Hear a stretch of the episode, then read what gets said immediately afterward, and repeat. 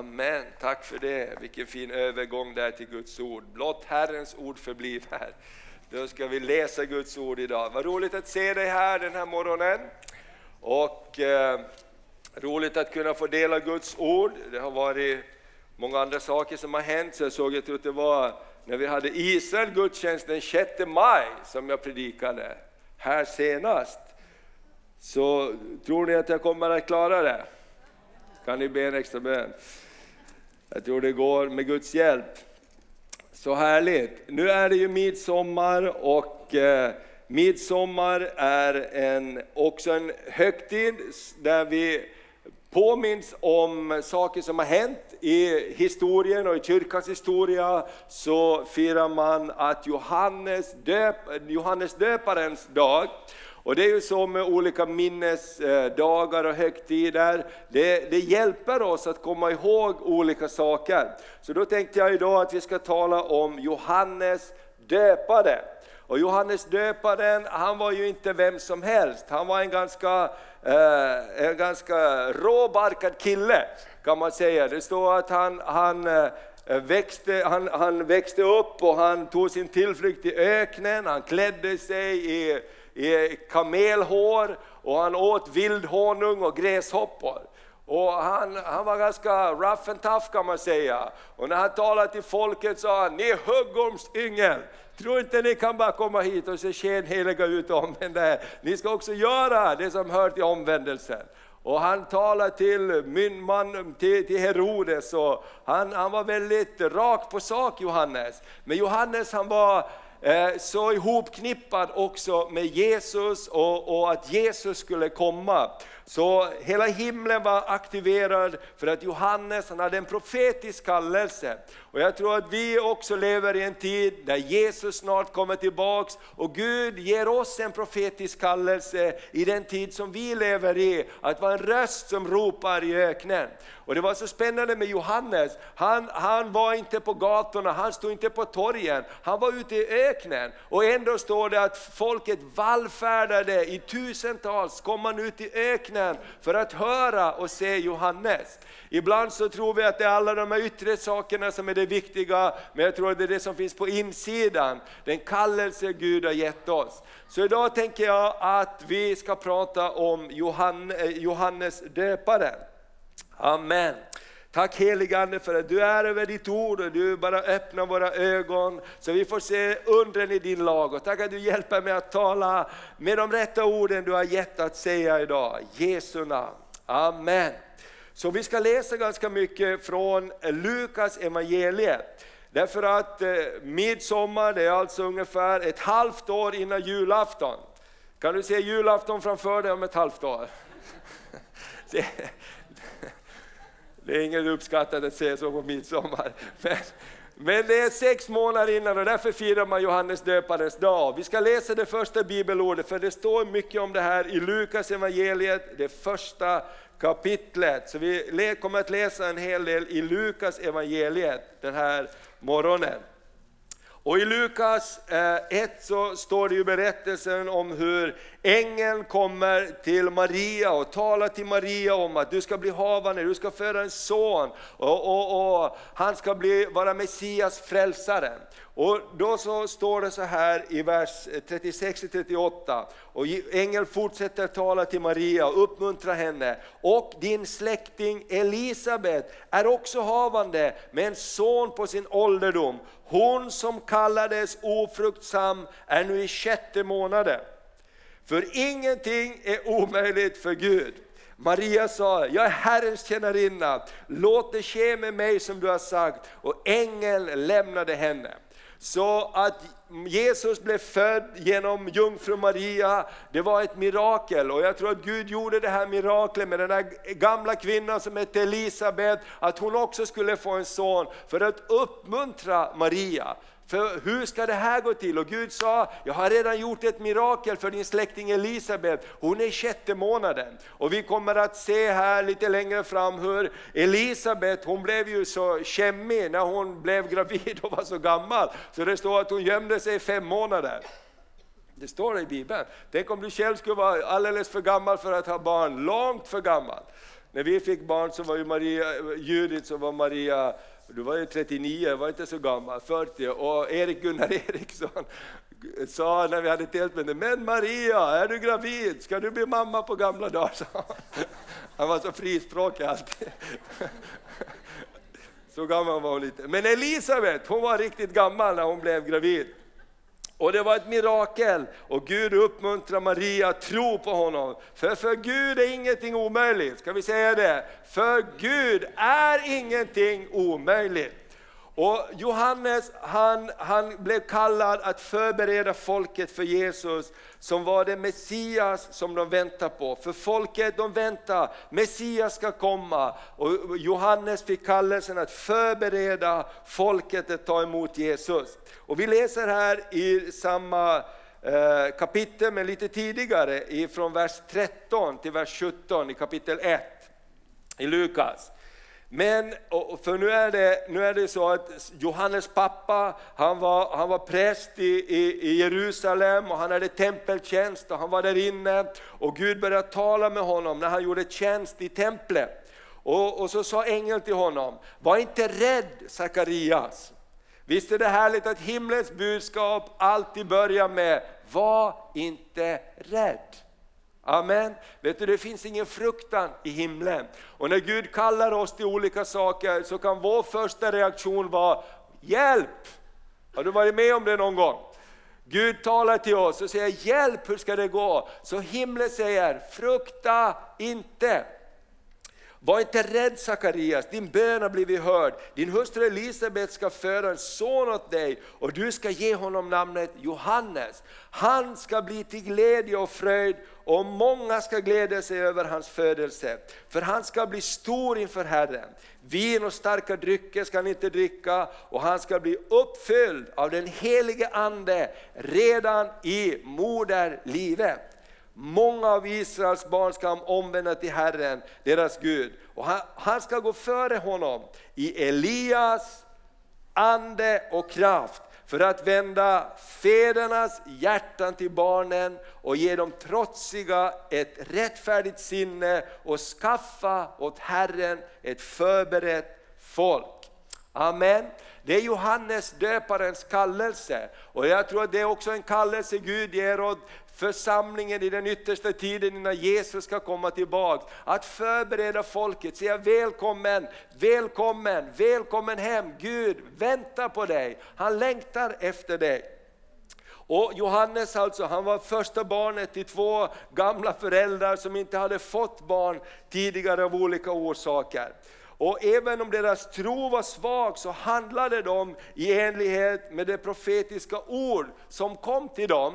Och eh, vi vet storyn här, vi som har läst mera i den här berättelsen, att Sakarias han blev stum. Han kunde inte prata. Men Elisabet hon blev gravid, kanske det var eh, eh, ett måste för att det skulle gå till. Han kunde inte prata med henne men hon sa, försökte visa att Gud har sagt någonting. Kom och titta här vad det står sen lite längre fram i, i verserna som följer, från vers 18 till 20 och 23 till 24. Då sa Sakarias till ängeln, hur ska jag kunna vara säker på detta? Jag är ju gammal och min hustru är till åren. Ängeln svarade honom, jag är Gabriel som står inför Gud och jag är sänd för att tala till dig och ge dig detta glädjebud. Nu ska du bli stum och inte kunna tala förrän dagen då det sker, därför att du inte trodde mina ord. Det kommer att gå i uppfyllelse när deras tid är inne. När dagen för hans tjänstgöring var över återvände han hem. En tid därefter blev hans hustru Elisabet havande och hon drog sig undan i fem månader. Så vi förstår att det var ganska dramatiskt det här med, med Johannes födelse. Och jag tänker så här, det här ordet uppmuntrar oss också att Gud är större än våra egna tillkortakommanden. Ibland är det svårt att tro på vad Gud säger. Kommer du ihåg hur det var med Sara? Sara log när Gud sa, nästa år den här tiden ska du ha en son. Och Sara sa, det är ju omöjligt. Hallå, liksom, jag är ju hur gammal som helst. Och Gud sa, varför ler du Sara? Jag ler inte, sa hon. Jo, du ler. Nej, jag ler inte. Tänk att argumentera med Guds ängel. Om, och, och, och, men hon var så chockad. Men det är så underbart att säga att Gud är större än det. Amen.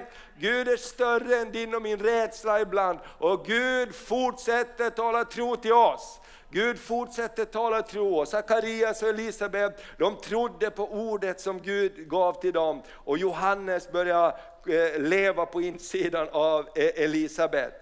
Och eh, lev i tro och håll fast vid det Gud har sagt till dig. Jag tänker att många gånger är det så här att eh, vi längtar efter att höra, vad har Gud sagt? Vad säger Gud till oss? Hur många längtar efter att få ett ord från Gud? Amen, vi vill ha ord från Gud.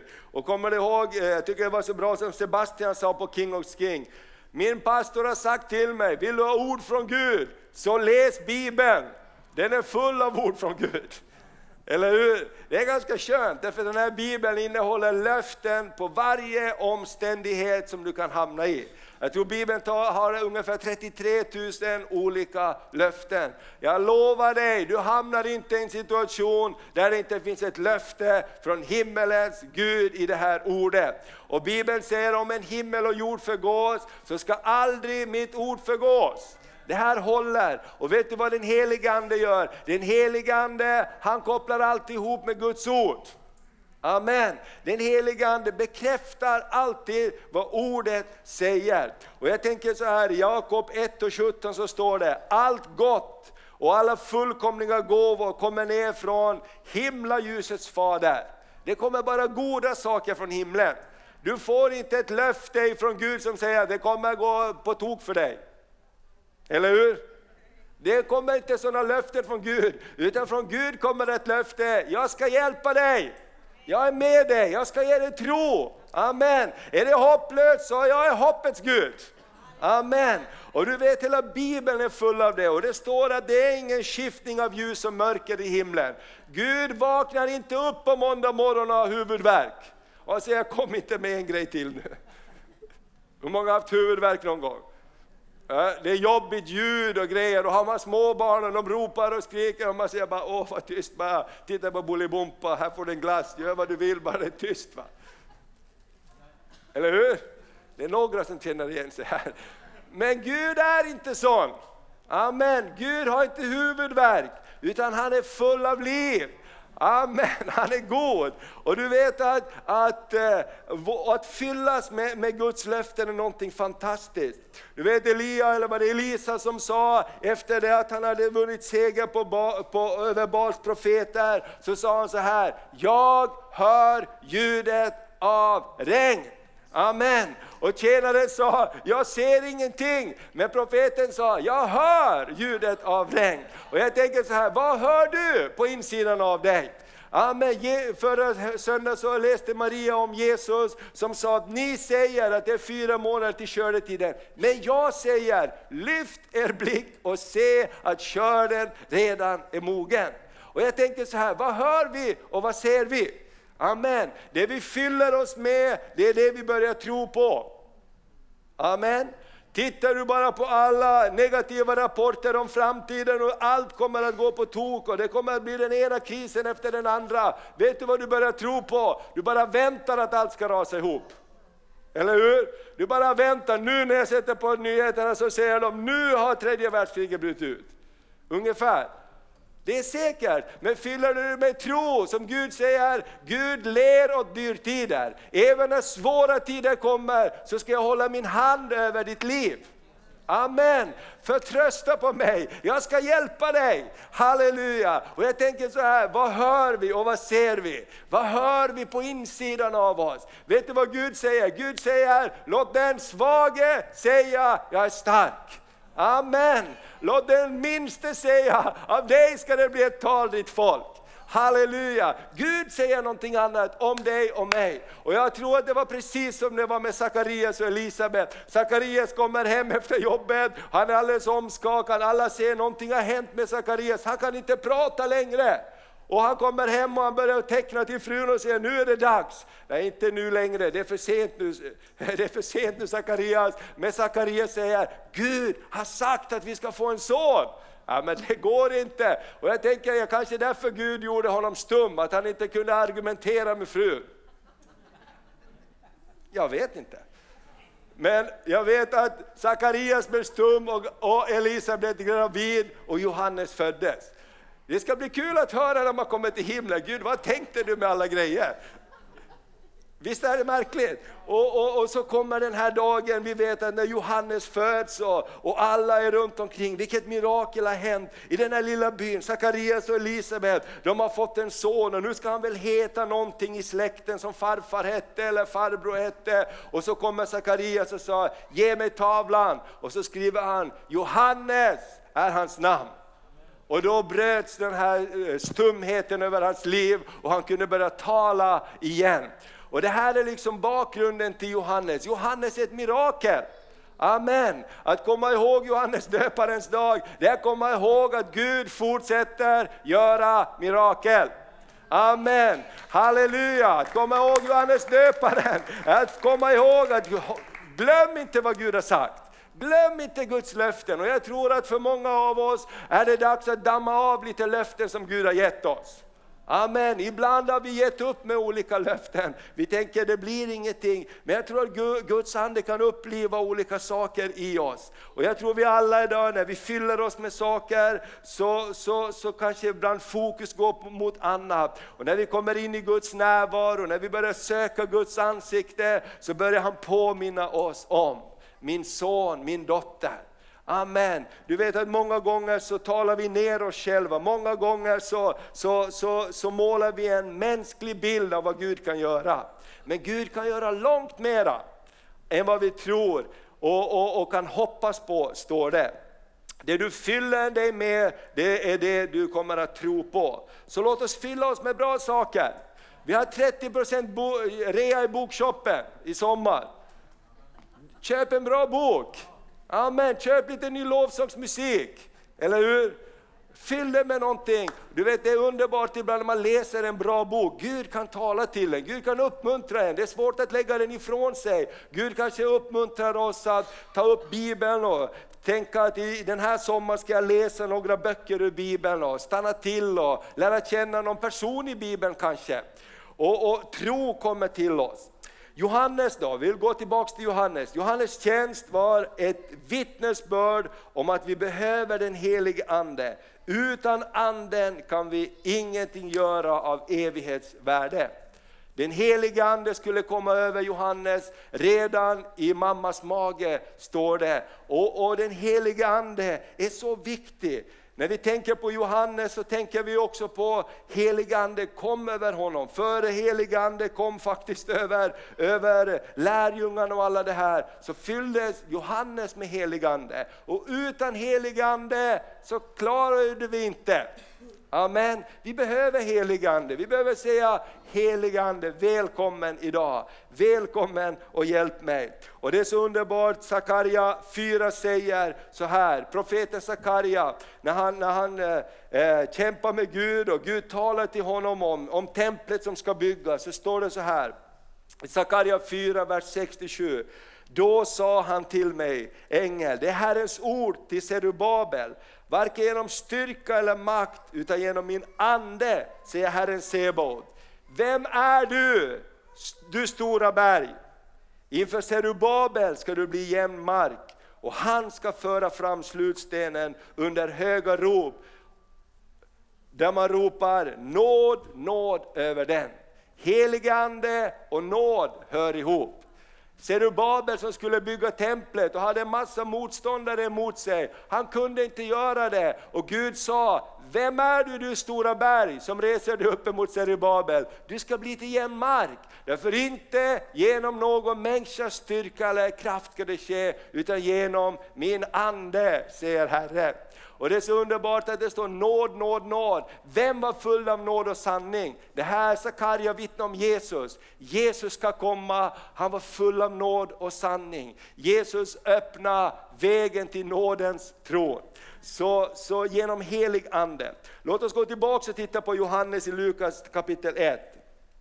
Johannes han var den första att erkänna Jesus. Nu ska vi läsa om hur helig ande kommer över Johannes när han möter Jesus. Jag tycker det här är fantastiskt. Den första som erkände Jesus var inte en född människa utan en ofödd människa. Amen. Det var ingen född människa utan en ofödd människa. Att säga att ett barn är ett mage som inte är född, inte en människa, det stämmer inte med det här bibelordet. Därför här, den första som erkände Jesus Kristus det var en ofött barn som hette Johannes i Elisabets mage. Jag tycker det är häftigt och jag tror att alla vi som har varit med och, och, och, och eh, fött barn, tänkte jag säga, det har vi inte alla gjort, men vi har varit med när det har hänt grejer. Vi kan eh, höra hur det sparkar. Amen. Våra barn, eh, vi, Maria har varit gravid och man har varit och lyssnat på lovsång och varit i möten och ibland så, när helige Ande smörjer starkt, då bara bom, bom, bom, bom, bom. Du har sparkat där inne. Alltså det finns en connection med det och därför är det så underbart att ta barnen med till kyrkan och komma till kyrkan. Och det är så underbart tycker jag när vi har barnvälsignelse, så ofta barnen kan vara trygga i en miljö fast det är mycket människor och mycket ljud. Normalt sett skulle man ju borde inte vara, och så är det någon främmande som tar en i famnen. Men ofta är det en sån Herrens frid. Jag brukar ofta tänka på det. Visst är det märkligt? Därför att de känner igen det där. Amen, de känner igen ljudet av lovsången, de känner ljudet av predikan till och med. Amen. Eller som en liten sa, jag tror det var er grabb som sa, där kommer Jesus, sa han, han hade hört så mycket predikningar. Johannes var den första som erkände, låt oss titta i Lukas det första kapitlet, så står det så här, och i vers 39.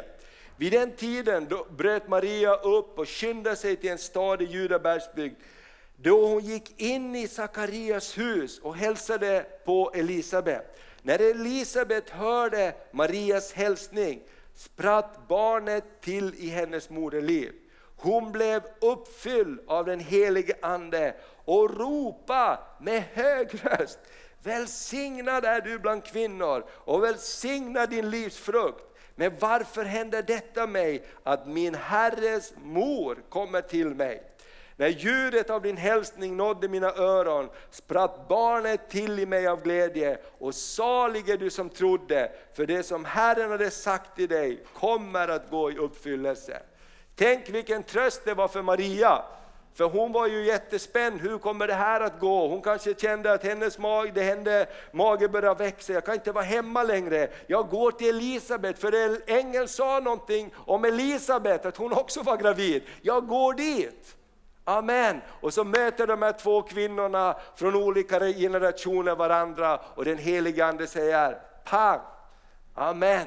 Jag tycker det är häftigt. Jag tror så här många gånger när vi är bärare av saker på insidan, ibland bär vi på löften som Gud har talat till oss som kanske ingen vet någonting om. Du bara bär på ett löfte för Gud har sagt någonting. Och när du kommer i kontakt med andra människor som är fyllda av tro och helig ande och tror på samma sätt som du och kan stå tillsammans med dig så pang! Någonting händer på insidan.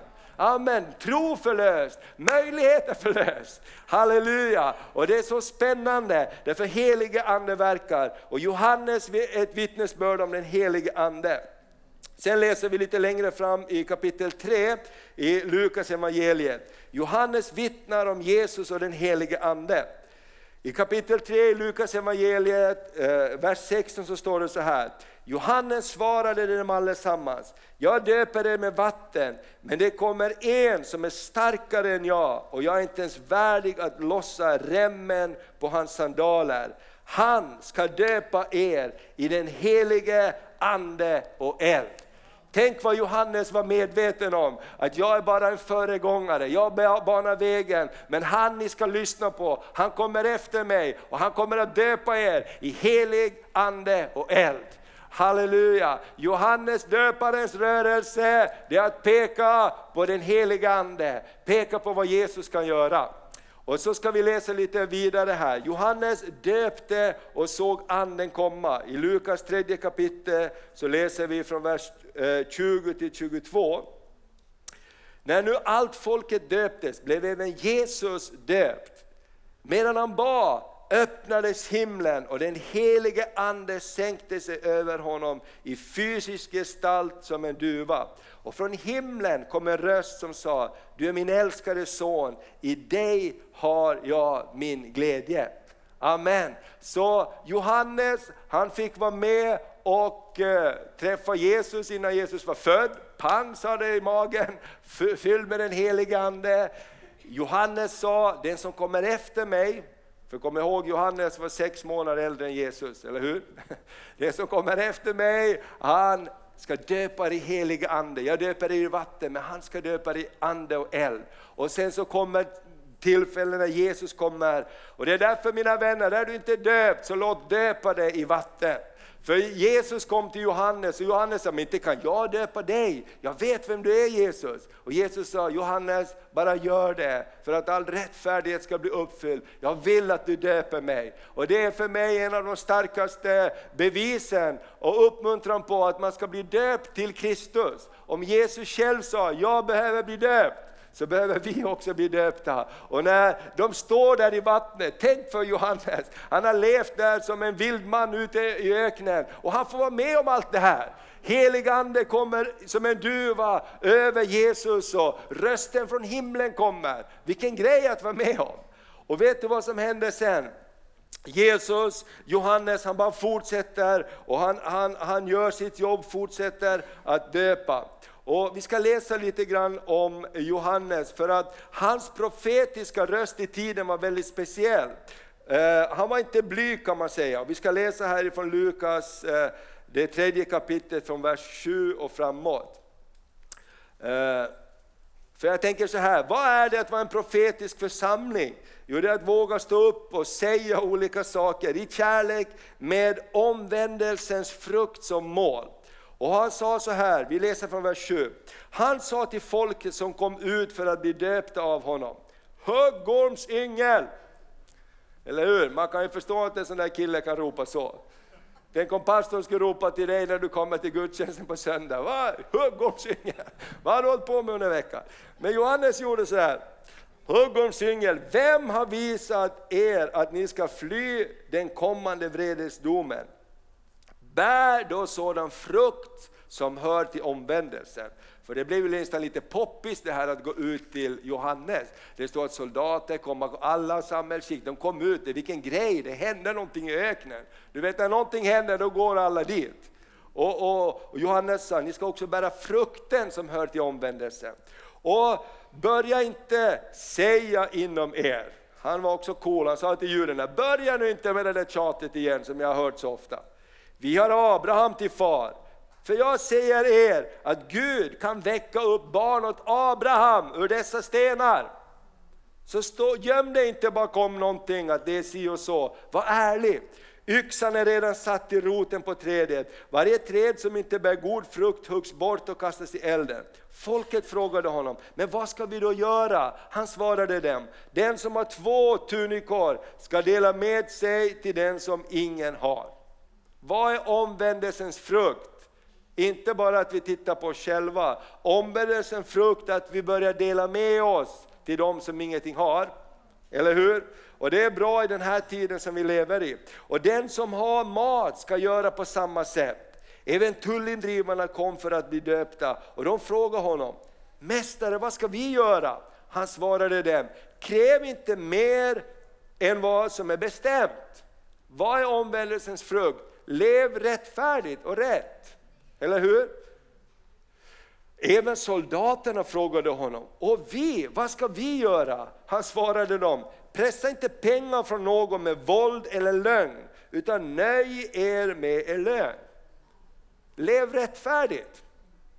Folket gick där i förväntan och alla undrade i sina hjärtan om inte Johannes kunde vara Messias. Johannes svarade dem allesammans, jag döper er med vatten, men det kommer en som är starkare än jag och jag är inte ens värdig att lossa remmen på hans sandaler. Han ska döpa er i den helige Ande och eld och han har sin kastkovel i handen för att rensa sin tröskplats och samla in vetet i sin lada. Med agnarna ska han bränna upp i eld som aldrig slocknar. Med många andra ord uppmanade han folket att förkunna evangeliet för dem. Men landsfursten Herodes blev tillrättavisad av Johannes för sitt förhållande med sin brors hustru Herodias och för allt annat ont han hade gjort.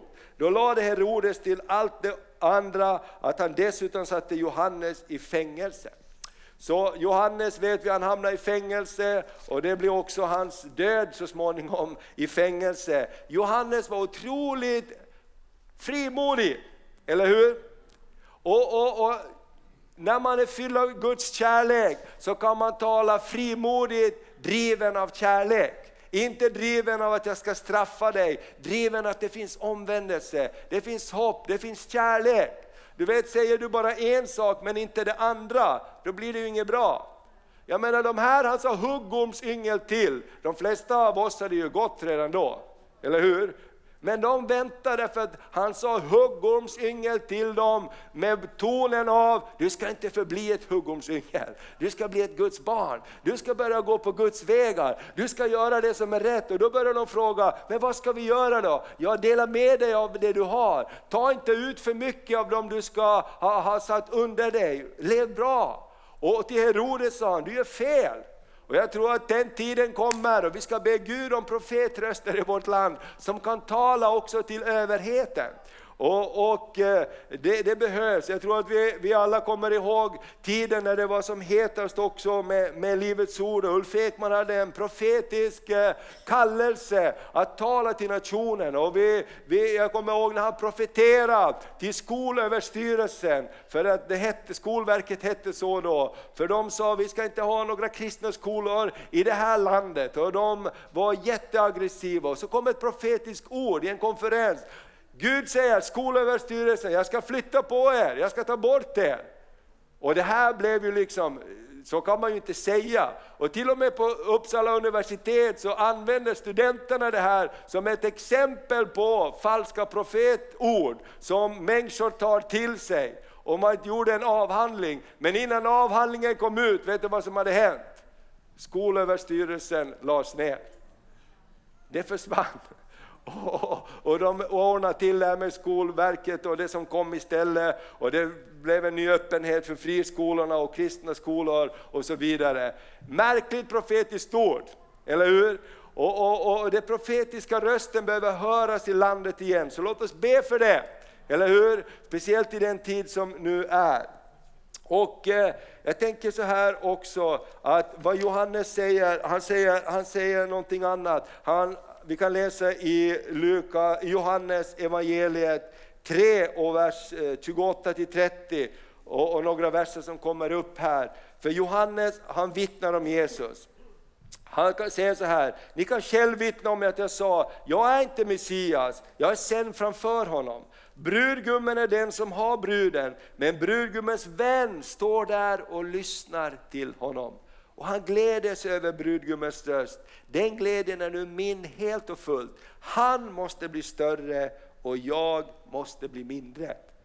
Vad kan vi lära oss av Johannes? Johannes sa, jag är ihopkopplad med Jesus. Det är Jesus, han som är Herre. Och jag ska bli mindre och han ska bli större. Amen. Fadern älskar sonen och har lagt allt i hans hand. Den som tror på sonen har evigt liv och den som inte lyder sonen ska inte se livet utan Guds vrede blir kvar över honom. Han var väldigt tydlig Johannes, peka på Jesus och sa han ska bli större och jag ska bli mindre.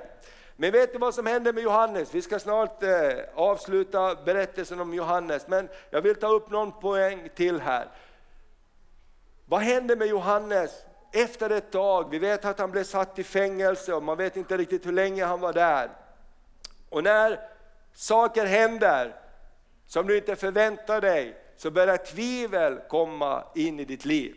Har någon varit där någon gång?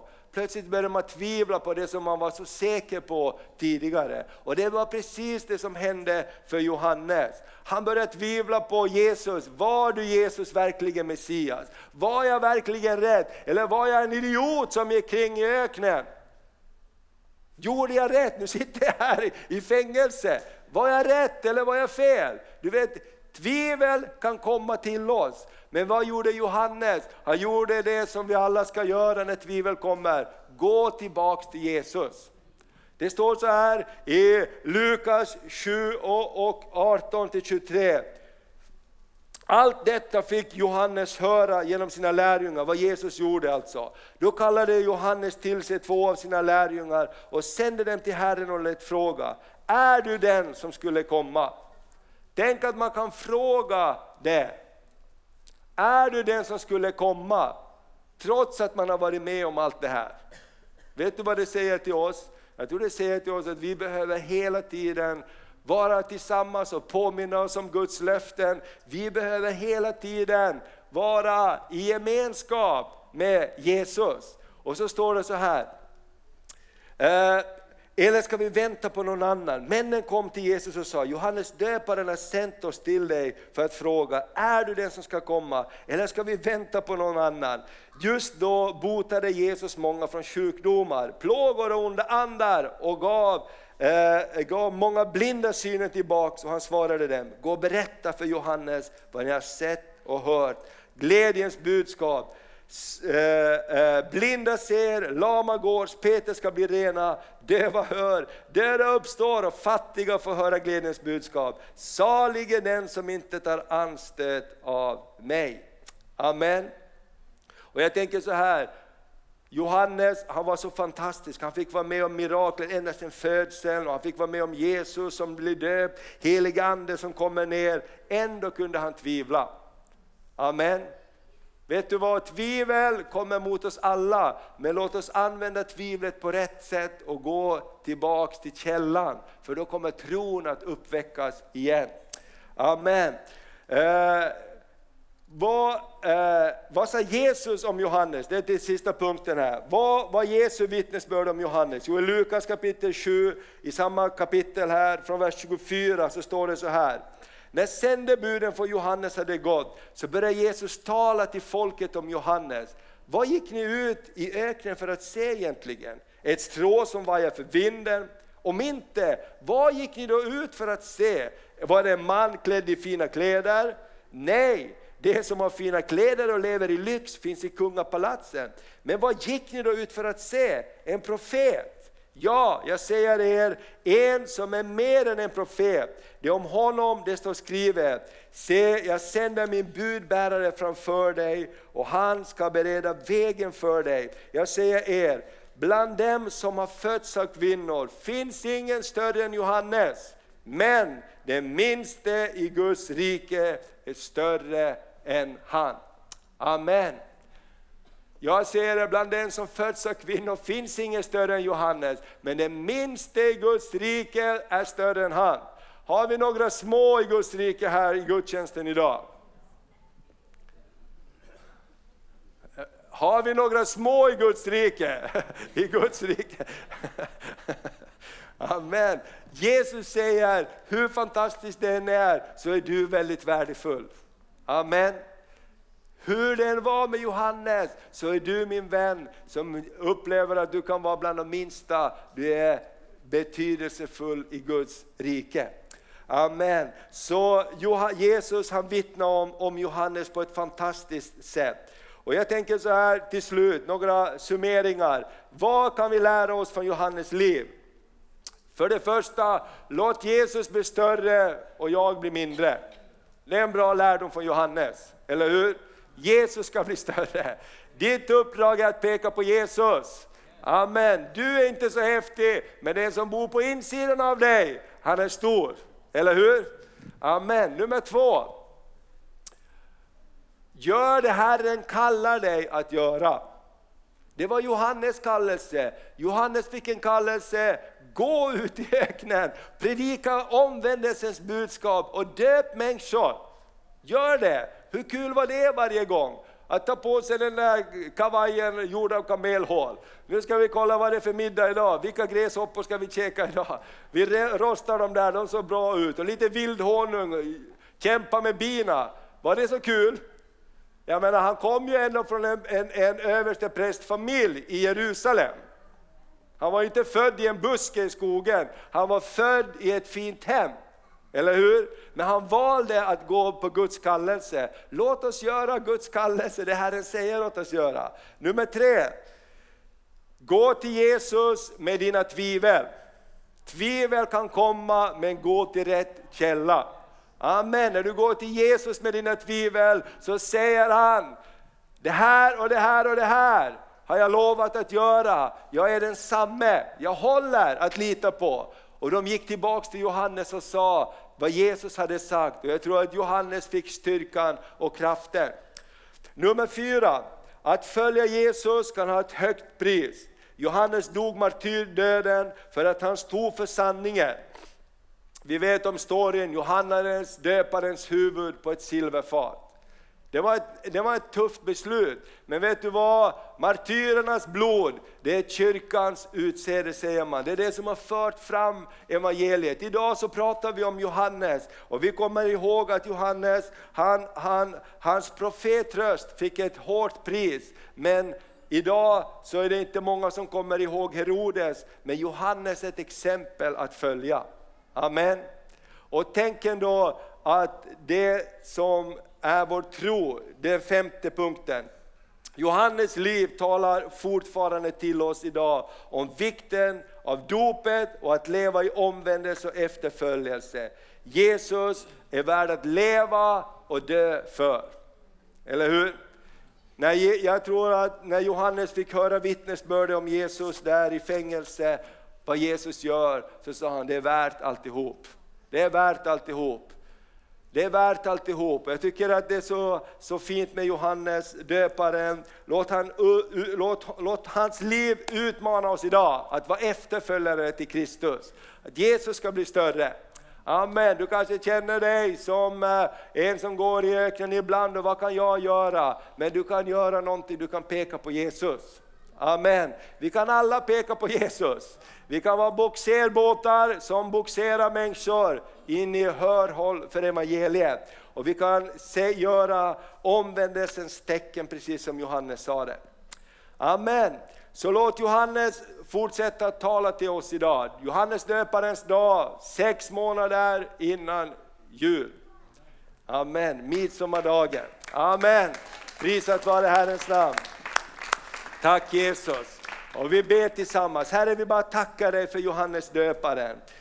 Tack Fader för att vi bara får komma ihåg hans liv. Det är inte så ofta vi pratar om Johannes döparen, men, men eh, idag när vi har studerat hans liv så ser vi att hans liv var ett exempel att följa. Herre, tack att du ger oss modet när du kallar oss till olika saker, även om det verkar annorlunda, även om kanske ingen annan i familjen har gjort så här, så kallar du oss att gå lite längre, du kallar oss att göra saker. Jag bara ber också att du ger oss eh, samma attityd som Johannes Johannes hade, att alltid peka på dig. Inte jag, jag ska bli mindre, han ska bli större. Jag bara tackar dig för att du vill använda oss. Du sa att även om Johannes var den största som är född av kvinnor, så är ändå den minsta i Guds rike större än han.